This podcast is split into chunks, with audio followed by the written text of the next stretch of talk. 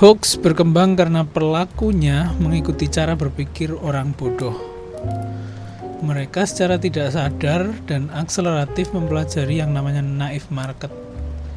Naif market ini selalu muncul ketika satu platform yang tadinya kecil tiba-tiba digemari, lalu menjadi besar dan menjadi besar sampai akhirnya penonton mereka melebar dari segmentasi awal menjadi begitu umum dan banyak dikonsumsi. Nah, naif market ini biasanya jadi makanan eh, para penjual-penjual atau para orang yang mencari demand untuk hal-hal tertentu. Dan karakteristiknya biasanya mereka eh, kolam ini itu biasanya terlalu gegabah untuk memutuskan apa yang mereka butuhkan gitu dan lebih banyak memutuskan sesuatu berdasarkan apa yang mereka inginkan gitu. Jadi salah satu karakteristik lain dari Naim Market ini ya mereka sangat responsif terhadap hal-hal yang sebetulnya tidak berhubungan langsung dengan mereka tapi mereka merasa perlu untuk berkomentar kayak gitu. Sementara yang jadi persoalan adalah para jurnalis masih berputar pada kredo jurnalistik yang lebih rigid gitu, yang sangat rigid dan eh, seharusnya adaptif dengan perkembangan platform tapi kenyata pada kenyataannya enggak. Mereka merasa mereka yang dimaksud itu jurnalis ya. Jurnalis merasa lebih ideal untuk melayani keinginan orang-orang pintar yang lebih sadar akan informasi gitu. Jadi mereka lebih suka memberi makanan orang-orang yang sudah mengerti bagaimana caranya e, membaca karya jurnalistik atau membaca laporan jurnalistik gitu Nah ini salah satu cirinya apa? Ya ini mungkin unpopular opinion ya. Tapi saya ngerasa kok keto eh bahasa jurnalistik yang benar-benar dipakai oleh jurnalis yang punya etika itu bahasa jurnalistik yang lebih berat daripada bahasa jurnalistik yang infotainment rasa infotainment gitu. Padahal kalau dilihat dari karakteristik pembacanya justru media jurnalistik yang dikemas dengan bahasa yang infotainment lah quote to quote itu akan lebih masuk di kalangan yang mudah terpengaruh oleh berita hoax. Ya saking gap ini besar eh, minimal sekarang gitu ada semacam eh, apa eh, pandangan bahwa ada jurnalis yang masih menjunjung tinggi etik dan ada jurnalis yang industri banget gitu. Jurnalis yang industri banget ini sering dikritik habis-habisan oleh jurnalis etik gitu. Yang sebenarnya juga nggak menyelesaikan persoalan juga sampai akhirnya karena bahasanya model bahasa yang ditampilkan beda jauh atau beda tipis tapi orang melihatnya kok yang ya lebih berat jurnalis etik gitu. Jadi mereka akhirnya nggak mengkonsumsi bukan nggak mengkonsumsi mengkonsumsi untuk hal-hal yang mudah dikonsumsi. Apalagi banyak juga ha, bukan banyak ya hampir semua kali. Hanya sebagian kecil yang uh, ngelihat laporan jurnalistik itu cuman bagian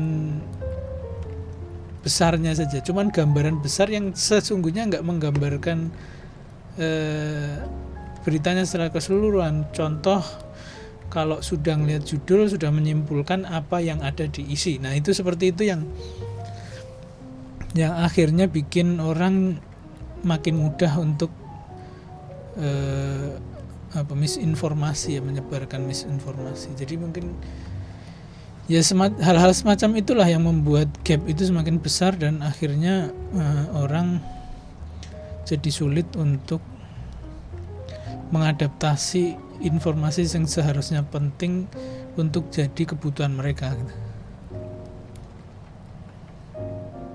Nah ini akhirnya jadi masalah karena akhirnya jadi tidak tepat sasaran ketika jurnalis menginginkan hoax itu bisa disikapi dengan lebih dewasa tapi mereka malah justru memberi ruang yang lebih memberi perhatian yang lebih banyak kepada orang-orang yang sudah mengerti kredo jurnalistik gitu. Itu yang membuat uh, akhirnya yang goblok-goblok itu yang mudah untuk mencerna hoax dan menganggap itu sebagai kenyataan itu semakin sulit untuk ya istilahnya dijinakkan lah. Gap intelektualnya akan semakin lebar. Jadi yang satu menganggap yang satunya bodoh ya yang bodoh ini menganggap yang pintar itu justru justru bodoh gitu. Dan itu semakin diamplifikasi oleh tren media sosial sekarang yang bisa mengkelompokkan orang ke apa yang bisa mereka percayai gitu yang ingin mereka percayai yang menjadi interest orang-orang tertentu gitu.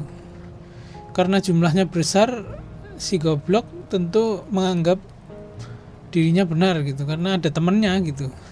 Jadi kalau istilahnya coki pardede orang goblok dikumpulkan sama orang goblok sehingga mereka yakin bahwa kegoblokan mereka itu adalah sebuah uh, kepintaran gitu adalah sebuah opini yang opini yang mereka sampaikan itu adalah sebuah kebenaran karena banyak juga orang goblok yang meyakini hal yang sama gitu.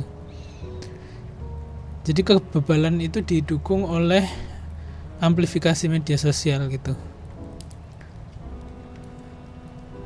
Ya akhirnya keduanya nggak bisa berkompromi, jurnalis nggak bisa berkompromi dengan orang-orang yang semacam ini dan orang-orang semacam ini juga nggak berkompromi dengan jurnalis gitu jadi ada ada apa kampanye negatif ke jurnalis bahwa jurnalis kebanyakan itu karena sebagian oknum sebenarnya eh, media jurnalistik yang dipegang yang dipunyai oleh politisi tertentu yang akhirnya itu jadi stereotip seolah-olah semua semua media itu punya keberpihakan. Ini yang jadi kampanye Eh, orang-orang yang punya kepentingan untuk mendelegitimasi berita-berita yang muncul dari media jurnalistik. Jadi itu perkembangan situasi saat ini. Semoga ini bisa uh, diselesaikan, tapi sepertinya nggak akan selesai juga sih. Karena pada lima tahun ke depan ya minimal setelah setelah hari ini mungkin lima tahun ke depan self bubbling internet itu masih jadi tren karena self bubbling internet masih jadi tren maka orang akan dikelompokkan sesuai interestnya. Dan karena itu jurang pemisah itu akan semakin besar. Self bubbling internet itu jadi begini. Uh, simpelnya kalau kita ngelihat halaman YouTube atau halaman TikTok atau halaman Instagram misalnya di explore-nya itu kita akan dikasih sesuatu yang uh, sesuai dengan keinginan kita. Itu dikelompokkan dari bagaimana kebiasaan kita browsing di internet di media sosial yang yang dipakai gitu. Misalnya kayak di YouTube kita sering browsing bukan browsing ya nonton ya. Nonton komedi ya nanti di beranda depan akan ada komedi-komedi. Kalau kita sering nonton teori konspirasi ya di beranda depan yang akan muncul adalah teori konspirasi itu akan lebih banyak. Konten-konten seperti itu yang akan di ada di beranda kita gitu. Itu akan membentuk habit dan itu akan membentuk bubble semacam gelembung-gelembung yang mengelompokkan orang berdasarkan interestnya. Karena itu satu gelembung dan gelembung lain mungkin akan menganggap mereka itu punya universe-nya masing-masing sampai akhirnya uh, itu bertolak belakang dengan bisa jadi gelembung lain bertolak belakang dengan pandangan yang satu gelembung yang lain gitu. Jadi satu kelompok bisa jadi hanya mendengarkan apa yang mereka ingin dengarkan apa yang menurut mereka benar mereka nggak mau cross to the line nggak mau cross ke bubble yang lain untuk mendengarkan opini yang sebenarnya berbeda dari opininya gitu. Dan self bubbling internet makin lama akan pasti akan menemui titik jenuh tapi untuk sekarang dan lima tahun ke depan itu akan jadi tren karena memang itu bekerja sesuai dengan keinginan yang punya platform. Jadi YouTube itu merasa peningkatan uh, pengunjung atau kunjungan itu terjadi karena ada self bubbling internet karena ada karena algoritma mereka dirancang untuk e, merekomendasikan sesuatu yang orang inginkan gitu. Itu kan seperti quote-nya e, apa yang punya Apple yang didirikan Apple sih siapa namanya? Steve Jobs ya.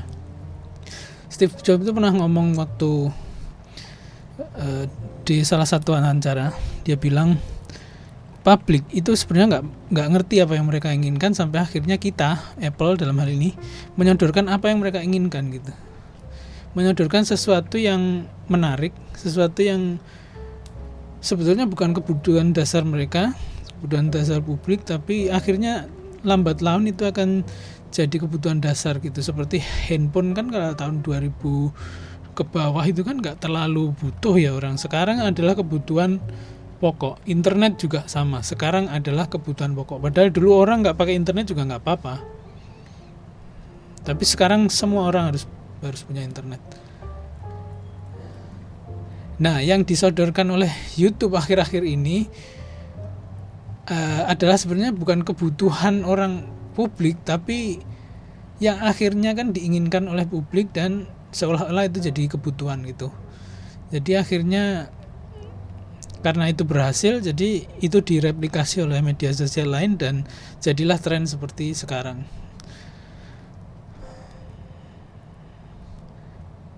jadi mungkin begitu. Kali ya. Ya itu kali ya. Ya kalau menurut saya sih begitu ya. Oke okay, closing